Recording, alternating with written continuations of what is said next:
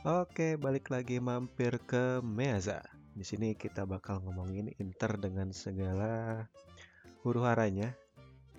Setelah berapa bulan nih? Kita sejak Scudetto? Dua bulan ya? Dua bukan? Dua kayaknya. Sebulan setengah ya? Ya, Masa sih? eh Mei kan? Dua bulan. Dua bulan lebih lah ya. Ntar gua cek history download di HP.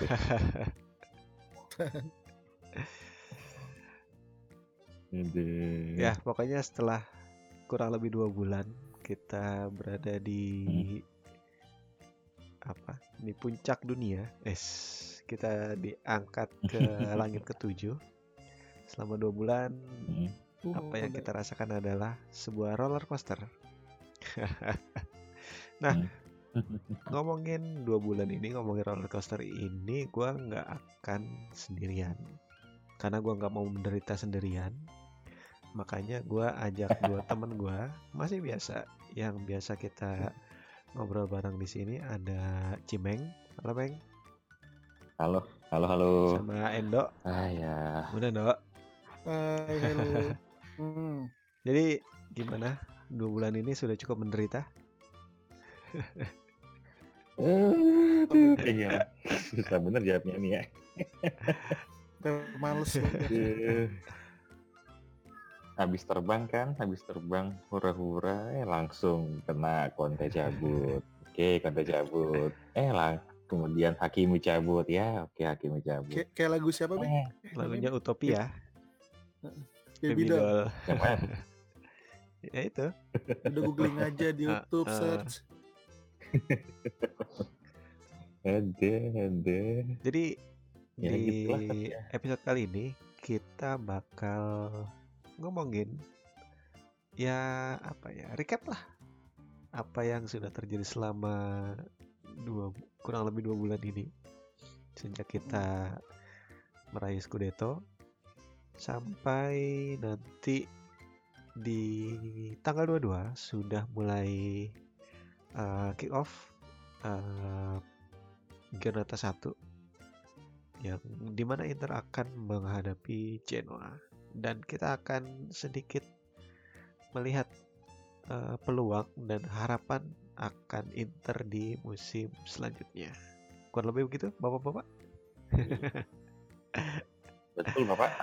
Oke, jadi hari lagi. se dua bulan ini di bursa transfer kita recap dulu. Eh, Pak, siapa yang ada Pak Cimeng, ada Pak Cimeng. Ya, Oh, pemain Pendo, yang- Pendo. Mau Pak? Iya, sih? Ayo udah. Delay lah ya. Hmm, Ya, ya, yang masuk, yang resmi ya. Eh, Eh apa? Minggu ini aja apa total nih? Hah? Total lah. Kita kan mau recap dulu. Itu aja. Oke. Hmm. Ini ya pertama ya coachnya Simone Simeone Inzaghi kan. Simone. Ada Ngarep banget Bapak. main dapat main di pos kiper ada Cordas ex Crotone terus tengah Kang akan Calhanoglu wing apa atau bek kanan ada Dumfries dan Zeko di penyerang itu, itu ada T Pintus staffnya Oriali, maksudnya manajemennya in yang pertama yang fenomenal terus akhirnya Nainggolan, Mario sama Lukaku Langsung duar ya. dua yang ya, Nah, iya. Lukaku.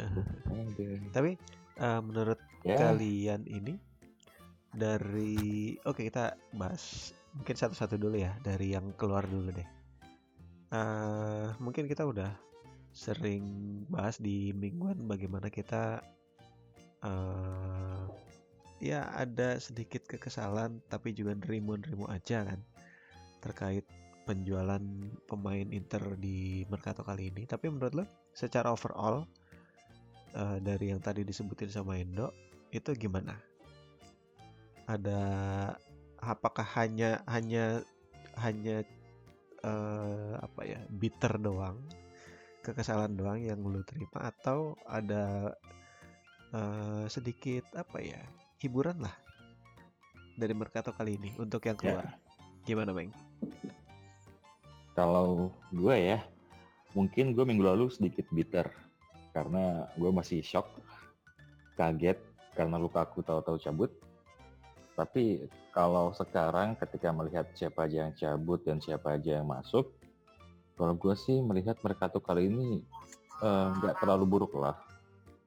Jadi eh, emang benar yang keluar tuh eh, kayak Conte, Hakimi, Lukaku, Vinicius Aurelio itu sebuah pukulan yang besar lah untuk klub. Tapi juga Inter juga berhasil mendatangkan eh, sosok Inzaghi, kemudian Hakan, eh, Dzeko dan Dumfries. Nah, empat sosok ini sih buat gue sih bisa dikatakan pengganti yang ya ya lumayan lah, walaupun mungkin belum bisa kita belum tahu apakah mereka bisa menyamai level Hakimi, Lukaku, Conte, tapi paling enggak eh, mereka punya kualitas lah. Jadi menurut gue sih Mercato kali ini ya not bad, not bad. Tinggal bagaimana nanti di jalannya pertandingan, di, di jalannya musim, apakah mereka bisa perform, bisa menggantikan siapa yang pergi itu. Itu sih.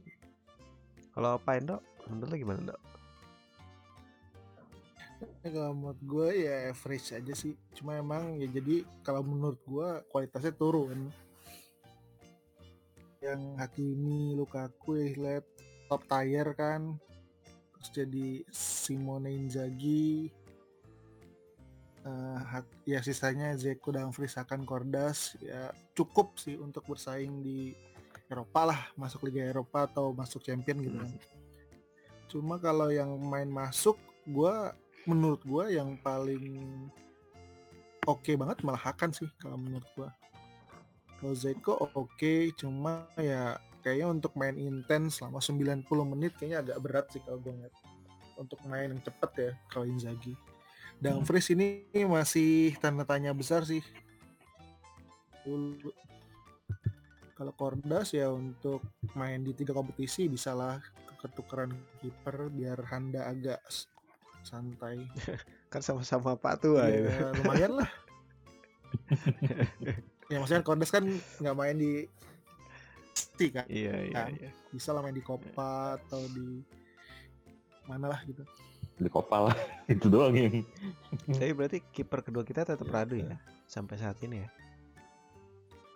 Sepertinya gitu, soalnya kan di pertandingan kemarin yang lawan Kiev itu Radu sempat main deh. Kalau nggak salah di menit berapa ya, 60 atau menit 70 gitu, Hmm. dia masuk. Iya, tapi memang kita Waktu yang adu penalti itu kiper siapa ya? Yang mana? Yang lawan Lugano. Adu penalti itu siapa? Hmm, lupa Radu ya? Lupa gue, lupa gua. Udah lama, Pak. Ya, kenapa Beh? Lanjut Beh. Oke, tadi kan ya mungkin kita nganggapnya overall ya udah oke-oke aja lah ya antara yang keluar dan yang masuk. Tapi dari segi yang masuk eh mana yang membuat lu lebih apa ya, lebih excited lah dari semua nama yang ada ini. Hmm. Kalau gue excited ngelihat Hakan sama Inzaghi sih. Karena Hakan kan kita tahu dia Inza- Inzaghi udah udah bilang bahwa dia apa ya appraise dia merating Hakan lumayan bagus lah. Dan sepertinya berharap Hakan bisa menjadi Luis Ar- Ar- Alberto yang baru. Dan sedangkan Inzaghi sendiri kita tahu Inzaghi salah satu pelatih muda yang sudah punya yang berhasil meraih gelar Coppa Italia dan Super Coppa dua kali. Dan dan ini adalah salah satu langkah dia apa ya step up-nya dia kan. Iya. ini semacam upgrade buat dia apakah dia bisa sanggup menangani tim yang secara kualitas lebih tinggi nah, itu yang gue gue tetap gue tetap tertarik juga melihat gimana taktiknya ntar nanti di lapangan sih karena ya kalau ngeliat dari friendly sih lumayan menarik sih. Kalau enggak, tadi kan lu udah nyebut Hakan ya. Hmm. Apakah Hmm. emang hanya dia yang sangat membuat lu excited sekarang? Dari beberapa nama ini. Ya gua mm, sebenarnya gua tapi gua sekarang umurnya sudah lumayan berumur ya 35 gitu. Tapi Mm. yang gua suka dari dia emang oportunis ya menurut gua. Apa pun dihajar aja, Bu. Bisa lah gol-gol aneh gitu lah. Macam-macam Drogba zaman dulu dan bisa mantulin bola juga. Mm. Mm. Tricky juga sih kalau menurut gua skill olah bolanya oke. Kayak kemarin yang pas golnya Barella itu kan Iya itu bagus banget itu. Oh, yang iya ya, dummy pakai dummy terus. Hmm. Iya, Hmm. mudah-mudahan fitnessnya masih oke. Skillnya mah udah oke lah, pas gue udah pernah main di Liga Inggris juga kan. Ya. Kali juga enam tahun. Hmm, hmm, hmm. Iya, akhirnya keinginan untuk mendatangkan Zeko itu terlaksana ya, walaupun di kondisi Iya. seperti ini. Udah berapa musim coba? Dia diincar. Tiga apa ya? Tiga empat musim musim. kan sih? Kayak Lavezzi ya. Sampai pensiun kalau itu Sampai, mah. sampai pensiun, tadi tarik lagi. Oke, eh ini kan Mercato masih akan jalan. Kita eh rekaman ini tanggal 17 ya, masih ada Yep. ya hampir dua minggu lah masih akan ada banyak perubahan lagi nah menurut lo Hmm. dari beberapa nama yang digadang-gadang diincar sama Inter mana yang menurut lo eh, pertama berpeluang dan menurut lo bakal menjadi pembelian yang sangat penting buat Inter Siapa Ah. sih sekarang nyaling eh Emang? Zapata Korea kan dari Mendes dulu sih. terus ada nama Insigne terakhir Mm, mm. Nah, tiga nama itu untuk posisi depan. Terus Nathan Nandes kan sempat eh apa berhenti tuh. Nego ya. Nah, negonya kan Hmm. berhenti. Terus Hmm. diisukan diincar Tottenham. Terus tadi gue baca kayaknya masih ada peluang untuk tetap diambil walaupun sepertinya agak berat juga sih. Gitu. Nah, menurut lo gimana? Terutama di sisi depan nih kan karena Pinamonti bakal cabut ya. Bakal dipinjemin kan ya kalau gitu. salah. Hmm. Kalau Pinamonti pergi berarti kita cuman punya Zeko, Lautaro, Sanchez, Sanchez sama Satriano. Satriano yang Satriano 48. Satriano baja hitam. ya, ya mungkin nggak nggak bisa kita berikan beban berat juga kayak Esposito musim pertamanya Conte kan.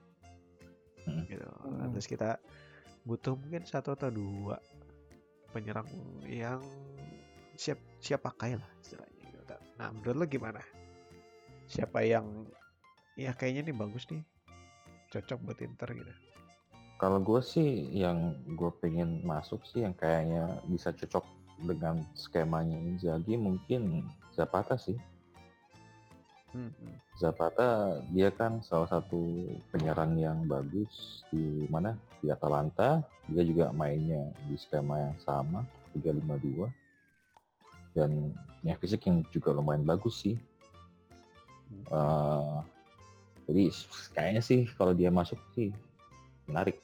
Eh, Inter masih punya eh, sisi penyerang yang bagus kalau memang dia yang masuk.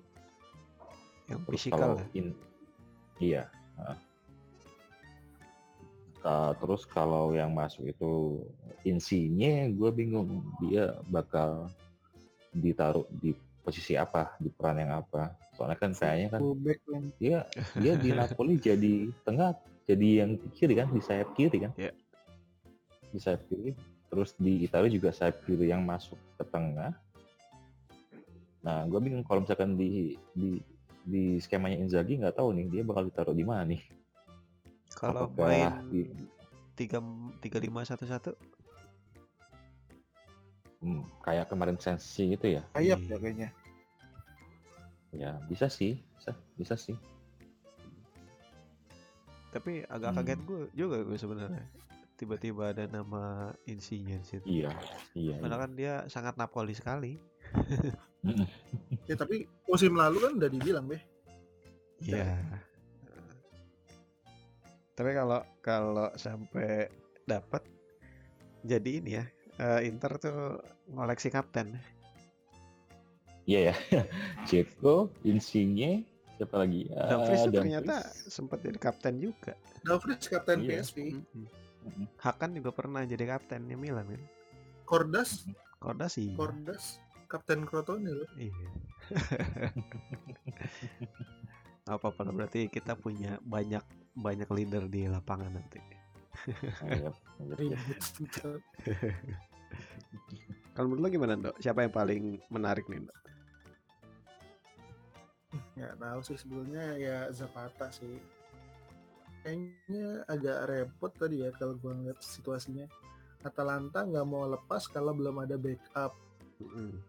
A- apa si Zapatanya me- pengen ke Inter gitu Mm-mm.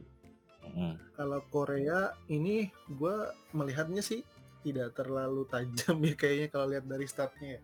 Mhm. lebih ke Ke technical skillnya, Mm, ke mm, mm. flair-nya. cuma ya nilai plusnya dia sering merepotkan kayaknya kalau kita main lawan Lazio Mm-mm. Mm. ya lumayan dan fans Inter pula gitu kan Iya betul. dan mulai main di timnas mulai agak sering Mm. ya mungkin dan anak bola Inzaghi gitu kan di Hmm. klub lamanya nggak terlalu lama daripada Zapata gue lebih mending Muriel sebenarnya ya kayaknya kita udah sering ini ya, sering Bahas. bahas ya. Muriel aja, Muriel aja. ya menurut udah mulai tersingkirkan sebetulnya Zapata di Atalanta Mhm. Betul. Mungkin Sama baru nih. justru siapa? Wood make Wood Wake Horse Oh, Whitehorse ya? Jerman ya? Jerman. Hmm. Belanda negaranya Main tapi di klubnya iya, main di Wolfsburg. Oh, heeh. Iya, iya, iya, iya. Tapi kita belum terlalu paham pemain itu. Yep. Yep, yep. Mhm. Ya. Nah tapi ada satu yang lucu. Kemarin kan kalau nggak salah Atalanta mau ngelepas Zapata itu kalau misalnya da- mereka dapat Tammy Abraham kan. Mm-mm. Mm-mm. Nah, ternyata Tammy Abrahamnya malah ke Roma. Roma mah. dan kita dapat Jeko. Mutar aja kan? Gitu kan. Roma, Chelsea, Inter. Aduh. Iya, transfer iya. saga Heeh. efek dominonya Hmm. begitu. Iya. Ya tapi emang banyak banyak apa ya banyak analisis bilang bahwa Inter ditinggal Hakimi, Conte, Lukaku itu eh, jeblok banget, bakal jeblok banget kan. Bahkan kemarin Ya. ada ada prediksi dari salah satu 20 akun minutes. bola itu kan yang menempatkan Inter Hmm. di posisi 5 di mana di bawahnya masih ada Atalanta. Iya. Wow. Tapi ya kalau gue lihat yang datang pun bukan pemain yang sembarangan juga punya kualitas yang tadi dibilang gitu kan. Jadi ya kita tunggu ramuan Inzaghi aja lah ya. Iya. Karena pada akhirnya eh, mau pemain sekualitas apa pun kalau racikan apa racikan taktik dari pelatihnya nggak cocok kan tetap aja nggak bakal maksimal. Gitu. Betul. Jadi kita berharap aja sama nanti siapa lagi yang akan datang kita berdoa agar ini adalah pembelian yang baik dan tidak ada lagi yang pergi kecuali Amin. Valentin Lazaro. Oke, setelah eh, kita ngomongin Mercato, ini kemarin Inter kan sudah men- menjalani empat ya, empat pertandingan eh, persahabatan. Ada lawan Lugano, Crotone, Parma sama terakhir Dinamo Kiev.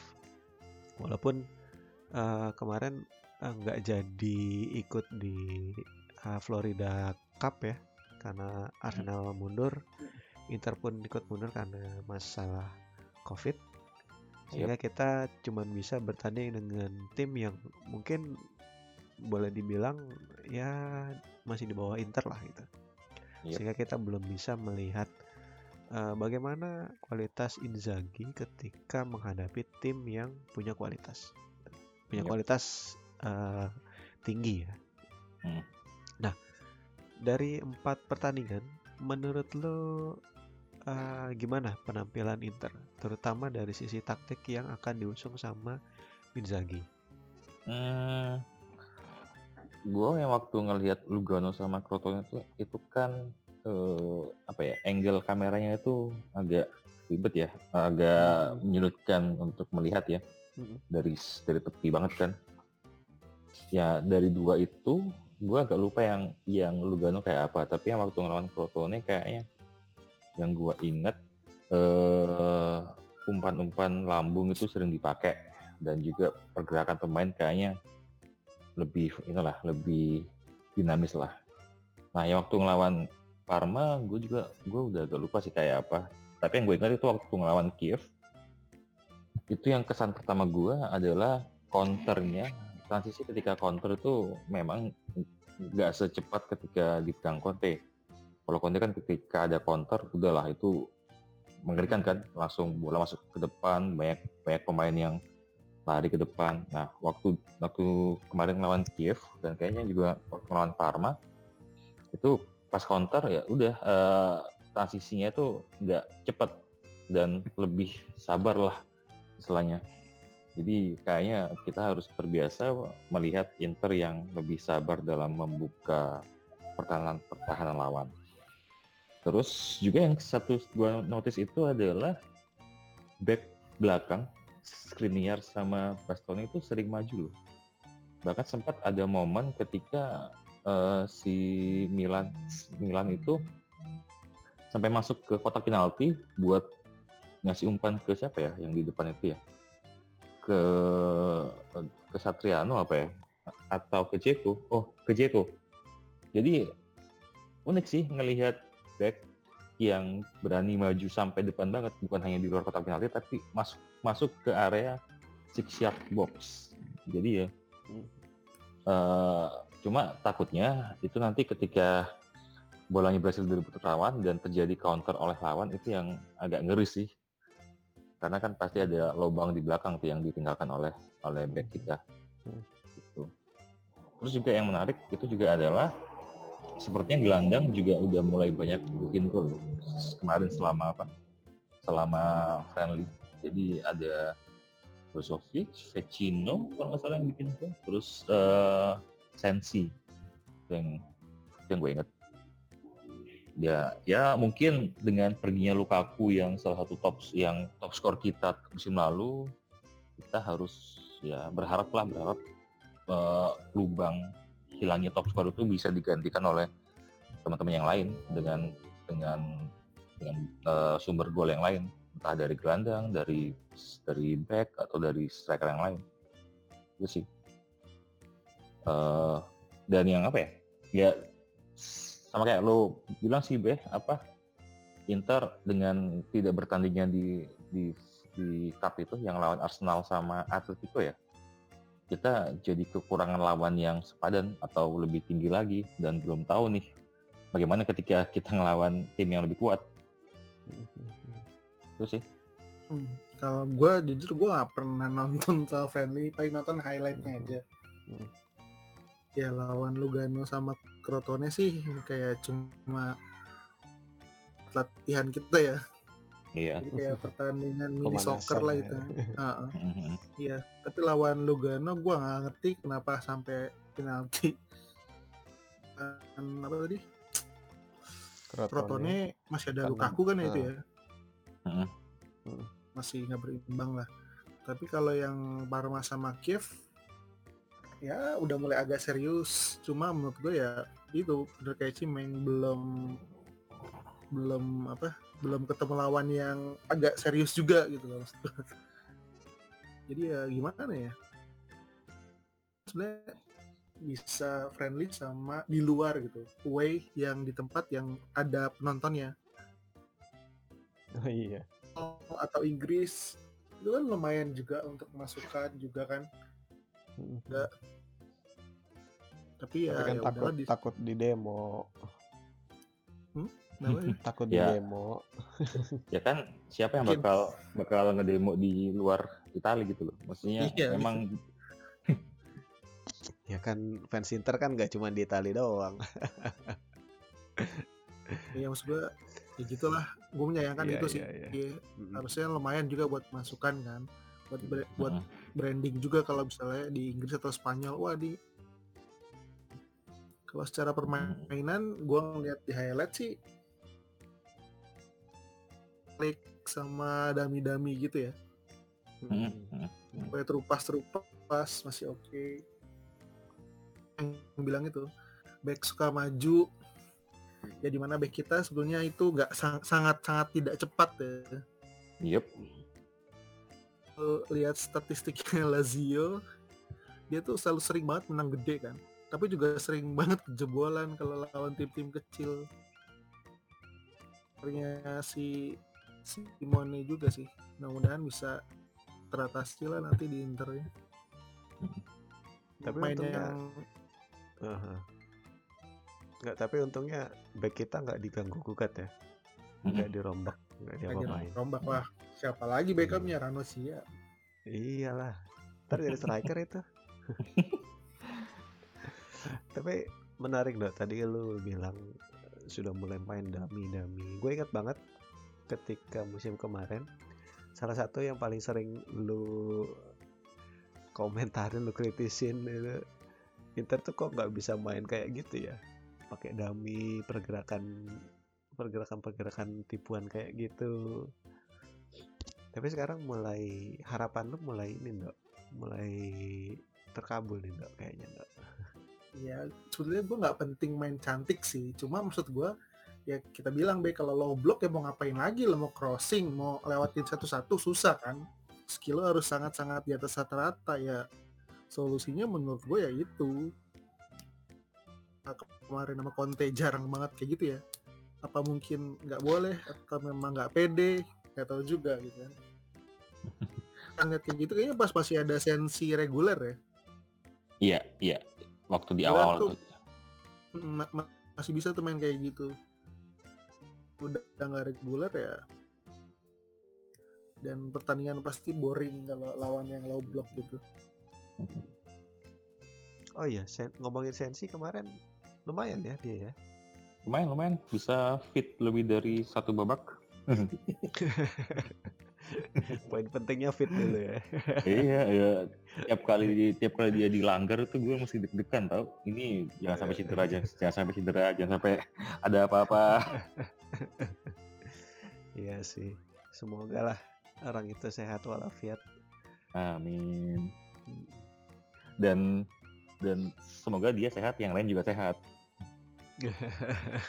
Soalnya kan kayaknya musim minggu lalu kan banyak yang itu kan, banyak yang masuk ruang rawat kan. Lautaro, Satriano, Sanchez lah. Ngeri makanya. Gitu. Apakah kehilangan Pintus akan membuat jadi banyak pesakitan di Inter? Semoga tidak. Semoga tidak lah ya. Oke, tadi kita udah ngomongin soal gimana Inter di tangan Inzaghi, walaupun masih sekedar friendly match Hmm. menghadapi lawan-lawan yang mungkin di atas kertas ya masih di bawah, jauh di bawah Inter lah gitu. Hmm. Nah, tanggal 22, 5 hari lagi kita sudah mulai kick off Giornata pertama lawan Genoa. Yep. Ini akan menjadi start Inter untuk tanda- eh, mempertahankan Scudetto-nya gitu. Yep, yep, yep, yep. Dengan mempertahankan Scudetto-nya di musim 2001-2002. Nah, melihat eh Marcato, melihat eh, Friendly, menurut lo untuk musim depan Inter bakal seperti apa? jadi kejulit banget nanti Weh. ini ya, prediksi ya, Beh? Iya, Gua- kita gua sih- prediksi lah kita. Iya. Hah. Mentalnya normal ya. Jadi empat besar sih. Kalau Scudetto ya udahlah, kayaknya sih belum. Mudah-mudahan aja tim juga nggak kaget ketika nanti misalnya itu masih tetap bisa bangkit juga karena kan lumayan juga tuh di musim lalu ke musim sekarang ya berat sih emang apalagi waktunya juga mepet banget friendly-nya juga dikit Mm-mm. Apa ya baru kumpul yang agak-agak inti juga. Kayaknya waktu mulai Crotone kayaknya ya. Lugano sih masih asal-asalan timnya. Mm-mm. jadi ya prediksi gue mudah-mudahan sih bisa empat besar lah menuju Liga Champions kembali. Nah sih di UCL itu lebih dari grup stage pertama ya Ya Iya, kalau tuh. segrup sama PSG, Segrup sama PSG sama apa lagi tuh yang yang yang pot tiga yang yang ngeri itu. pot. PSG Barcelona eh, pot Hmm. dua dong bisa juga kan Enggak, ya kan PSG pot 2 nih, pot tiganya. Yang ngeri siapa ya? Madrid gak sih Madrid atau Barcelona sih mana nih Gi? Madrid pot 2 sama Barca pot Dua, 2. ya. Iya. ya dinikmatin aja lah mudah-mudahan kali-kali kayak gitu dapet amin. Tapi menurut lo key pointnya di mana, Dok? Hmm. Pelatih, pemain, atau siapa? tetap Inzaghi lah pertama kan karena sekarang dia ngambil alih pembandingnya juga berat gitu kan dia harus kuat juga sih secara mental gitu bisa menemukan skema yang bagus lah bisa minta kan sebenarnya kayaknya gue nggak tahu sih pemain-pemain yang baru dibeli ini kepinginan Inzaghi atau manajemen kayaknya kita belum pernah dengar ya Iya. ya Inzaghi minta si B gitu kan. Mm-mm. Kayaknya Inzaghi nerimo Ya, mudah-mudahan aja maksud gue ya mudah-mudahan cocok lah main-main yang baru masuk dan main-main yang lama yang udah ada bisa diracik dengan sebaik-baiknya Kalau- Kalau gue, eh, apakah gue sih juga sama kayak lu sih, gue yakin lah bisa bersaing di empat besar. Ya peringkat tiga atau peringkat dua lah, eh, kayaknya. Wih. Ya, Peringkat satunya siapa? Milan sama Juve loh. siapa? Ada Milan sama Juve. Satu sih Atalanta Juve sih kayaknya peringkat peringkat Tala- Talanta kan kelempar dari lima besar kalau prediksi apa, 90 akun Twitter Twitter yang kemarin itu. itu mereka kayaknya nggak ini sih, nggak melihat apa tim yang apa tim yang lain kayak apa sih? Atalanta bisa peringkat tujuh kayak gimana coba? Ya kalau gue sih gue kayaknya yang peringkat satu itu Juve, peringkat dua mungkin Inter atau Atalanta, peringkat tiga itu bisa Milan atau Inter. Ya, bentar, bingung dong. Satu Juve, dua dua Atalanta, tiga Inter, empat itu Napoli kalau gue. gila Milan kemanain Bang? Apa? Parah nih emang nih. Ya Milan Soalnya- ke mana Bang? Milan kan musim lalu kan iya mereka di awal musim bisa ngejos kan bisa bisa nggak kalah sampai akhir sampai akhir winter kan. Tapi kan setelah itu agak tertarik tertarik tarik tarik juga kan. Coba anda lihat Mercato-nya Bang emang siapa aja Hmm, yang masuk. Ya Brahim. Giroud. Brahim Giroud ya. Giroud lo, ganteng lo. Emang ganteng ya. yang ganteng ya. Terus musim itu siapa? Baim. Brahim Diaz bukannya udah dari musim lalu kan Ya, kan nomor 10-nya sekarang dia. hmm. reguler Belum nanti ada Florenzi nih mau Hmm. masuk nih ah backnya kan. Terus siapa tiga pemain lagi tuh? Mike Nan kiper Hah? McNan kiper oke lah Mainan ya. hmm. oke lah Fede Re siapa Lo Toure gua nggak tahu itu Oke. siapa Tapi kan yang kita nggak bisa itu kan itu apa pelatihnya Pioli. Lo tahu sendiri kan Pioli waktu di Inter kayak apa? Waktu di Milan juga Siap. juga nyaris nyaris nyaris apa ya? Nyaris nggak nyaris nggak bisa bangkit kan? Begitu. Jadi ya dan apa ya? Juventus itu mereka udah punya si Max lagi. Si siapa? Allegri. Terus Atalanta itu stabil dia timnya. Eh, eh, kemudian Napoli Benar. punya si itu, punya si Spalletti, si spesialis champion kan. Itu sih. Terus Jose Mourinho Ya, sih nggak tahu deh gue. itu bisa itu sih bisa bisa apa jadi apa ya istilahnya itu. Iya, Oh, udah hitam. jadi kuda hitam. Kalau moodnya bagus, dia bisa bisa bisa lah me- meraih champions. Tapi kalau moodnya jelek, timnya nggak mood, jeblok itu. Tapi kemarin ada yang lucu tuh dari Mourinho itu. Yang mana? Yang dia di Instagram kalau nggak salah, yang dia bilang Hmm. eh, di Itali dia selama 40 hari nggak diganggu sama ini, sama Sama, Pers. Ah, ah. iya hidupnya tenang. malah. Malah malah aneh sih. maksudnya Mourinho itu kan orang yang ini tuh kan yang bisa dibilang dia Iya. itu haus akan akan pe- pers kan. Dia butuh eh, butuh sebuah eh, apa sih bahasanya itu? Perhatian kan? Gitu. jadi ketika dia nggak diliput Iya. sama 40 hari sih bingung gue kok tahan ya Ya siapa tahu dengan dia fokus nggak ada yang ganggu itu kan dia bisa fokus ke sepak bola kan. ah Gitu. ya ya, ya, ya. Ngeri. Pak. kalau lu beh Kalau gua eh gimana ya? Kalau ngelihat kehilangan Conte Hakimi Lukaku jelas ini sebuah kehilangan besar gitu. Secara kualitas dan juga secara kualitas terus eh, konsistensi sama eh apa ya istilahnya secara psikologis Mm-mm.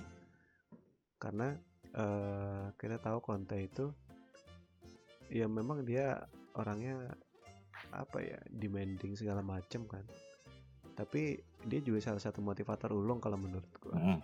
setuju dan gimana dia bisa menyatukan Inter eh, sampai sangat padu gitu loh kalau kita lihat kemarin kan selama musim kemarin gitu. Ini yang menurut gua menjadi memang kehilangan yang sangat besar gitu.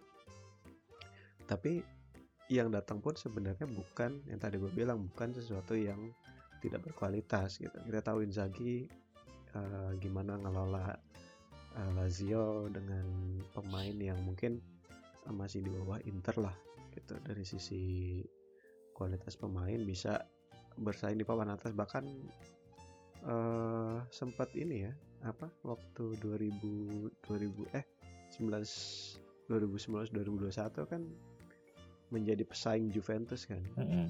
di perebutan Scudetto sebelum eh, pandemi gitu walaupun akhirnya habis gas juga kan di balap Inter Mm-mm. gitu. Terus ada Hakan, ada Zeko yang kita tahu ya kualitasnya udah ter- terjamin lah dan mereka juga punya punya experience di Italia gitu. eh menurut gue nggak akan jeblok-jeblok banget posisi Inter gitu. Tetap akan bisa sama sih kayak kalian, tetap akan bisa bersaing di papan atas.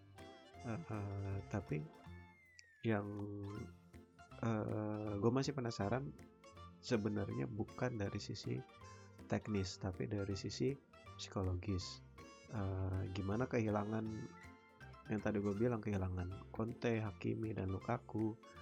Terus eh, apa kekacauan yang disebabkan oleh owner gitu kan? Sampai ada isu bahkan The Fridge pun eh, apa mau di diisukan Ah. pergi kan gitu. Sampai seorang The Fridge yang yang menurut gue kalem aja dia eh iya orangnya kalem. Nggak maksudnya gini dia di di uh, agennya kan Mino Hmm. kan Mino Raiola yang kita tahu gimana cerewetnya dia kalau urusan uh, masa depan pemain Hmm. gitu. Kita lihat tim sebelah lah gitu. Kayak gimana gitu. Nah ketika kekacauan yang ada di internal Inter ini bisa jadi Mino pun akan berpikir ulang untuk tetap mempertahankan The Fridge di Inter gitu. Bisa jadi dia akan nyari tim lain yang bisa bisa lebih memberikan The Fridge uh, peluang untuk berprestasi. Apalagi kan umurnya udah udah masuk 30 ya kalau nggak salah ya. 29 atau 30 Yep, gitu. yep. Mm-mm. The Fridge gitu. Kan udah udah kurang waktu lah gitu. Nah dengan segala kekacauan ini yang gue pikirkan adalah aspek psikologis gitu. Uh, pertama dari sisi itu uh, apakah mereka masih punya uh, apa ya haus akan gelar lah gitu. Kalau misalnya kita lihat musim lalu kan kayaknya pemain Inter itu benar-benar haus akan gelar gitu. Mereka mau menang mau menang mau menang gitu. Terutama karena ada dorongan dari Conte juga tah. Apakah nanti di musim depan akan tetap memiliki rasa haus yang sama itu yang masih gua eh, apa ya masih harus melihat sih di mungkin satu atau dua dua giornata gitu. karena menurut gua justru aspek psikologis ini yang bakal memegang peranan penting gitu apalagi ketika kita lihat eh, Serie A sekarang secara kualitas eh, dari sisi pelatih bisa jadi lebih lebih naik ya tingkatannya ya. Karena banyak beberapa pelatih yang balik kayak Spalletti, Mourinho yang kita tahu punya Allegri. kualitas seperti itu. Dan Allegri lagi kan gitu, dengan Juventusnya. Nah ini eh, bisa jadi sangat sangat apa ya dari sisi kualitas mungkin akan eh, jadi lebih rata lah Yep. gitu. Tinggal nanti bagaimana aspek psikologis aspek mental yang akan bermain di situ gitu. Ini yang masih gua eh, masih harus melihat sih. Tapi kalau dari di atas kertas mungkin masih bisa. Apalagi nanti kita masih punya waktu sekitar hampir dua minggu untuk eh, menambah pemain pemain lagi kan gitu. Ya semoga bisa dapat pemain yang berkualitas juga gitu. Bisa eh, berkualitas dan juga bisa langsung menyetel ke permainan Inzaghi gitu gitu. Ya masih optimis lah. Nggak nggak yang desperate desperate banget sih. Yep, yep, yep. gitu. Kalau itunya, kalau untuk Champions-nya, Champions? Eh, lihat lihat itu dulu. Btw btw ini eh, yang pot 3 itu ada Porto, ada Ajax, ada RB Leipzig, ada Zenit. Terus pot pot Oke. 4 ada Wolfsburg sama klub klub Brugge. Itu yang yang yang baru ketahuan. ya gue sih lihat nanti hasil itunya dulu lah nggak mau sesubar karena Inzaghi waktu kemarin di Lazio bisa membawa cukup jauh di Liga Champion gitu ya kita lihat masalah peta kekuatan sekarang itu gimana? Kacau. kacau Beneran deh. Gila. Ngomong-ngomong klub pandemi ini benar-benar yang rombak-rombak tim kemarin ada contohnya tuh.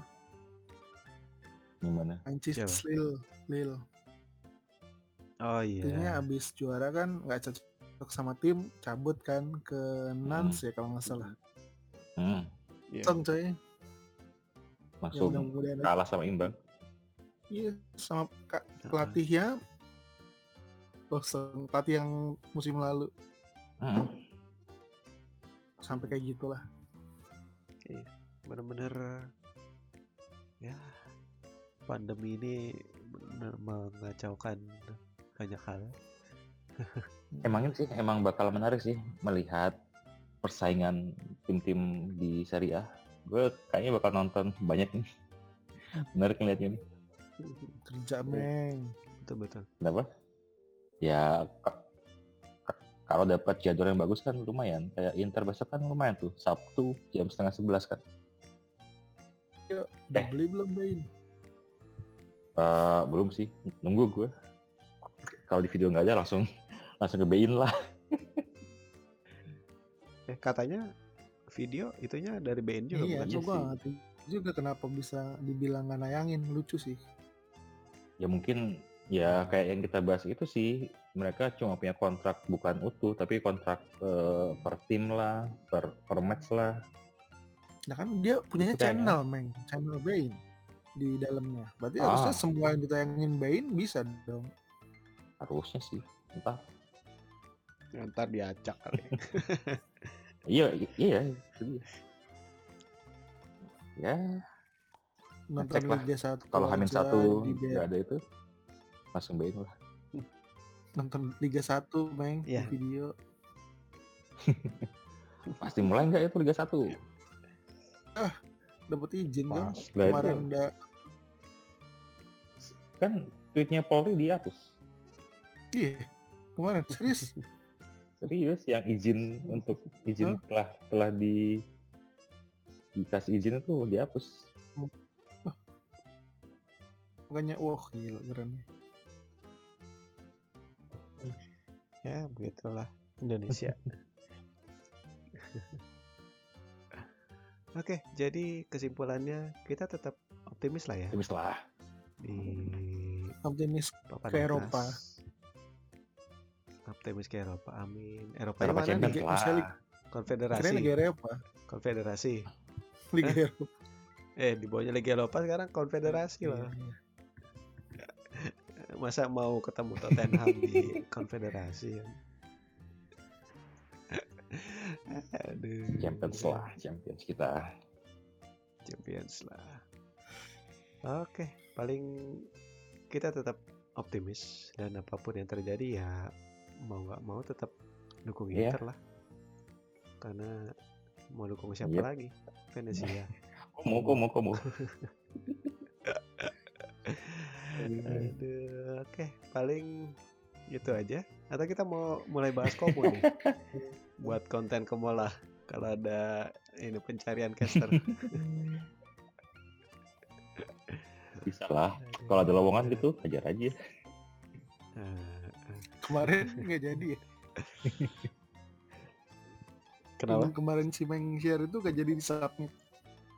Nggak Nggak tahu. tahu. Si Meng. Jadi ya?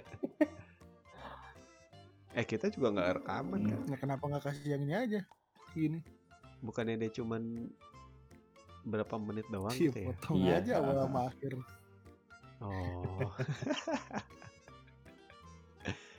ya, semoga nanti lah siapa tahu kan rezeki. Ngarep. Oke. eh paling itu aja. Jangan lupa follow akun Twitter kita ada di @kemeaza. Di situ kita bisa ngobrol-ngobrol, bisa ya kita kata-katain Inter bareng juga bisa. Katanya ada yang mau ngasih giveaway. nanti ada. Oh, mau ngadain giveaway nih? Ya, Selamatan Gimana? episode terakhir. detailnya Iya, episode terakhir kita tembus 100 play. Luar biasa. Terima kasih. Itu suatu suatu anugerah dari yang pernah dibeli. di tengah pandemi. Uh, terima kasih sekali buat teman-teman yang sudah bantu mendengarkan, udah bantu nge-share. Banyak juga ya, lumayan kemarin yang nge-retweet Iya, sama nge-like uh, episode ke-15 itu. Jadi selesai ya. Ya semoga eh, eh, iya. ya kita jadi semangat lagi nih karena teman-teman banyak yang dengerin kita jadi semangat lagi buat konsisten bikin konten untuk ya menyemarakan fandom. Serie A terutama Yep. Inter lah gitu. Biar ini tim nggak sepi-sepi amat lah. gitu. Oke. Itu aja paling untuk episode 16 ini. eh kami bertiga undur diri. Sampai jumpa di episode berikutnya. Ciao. Ciao. Dadah.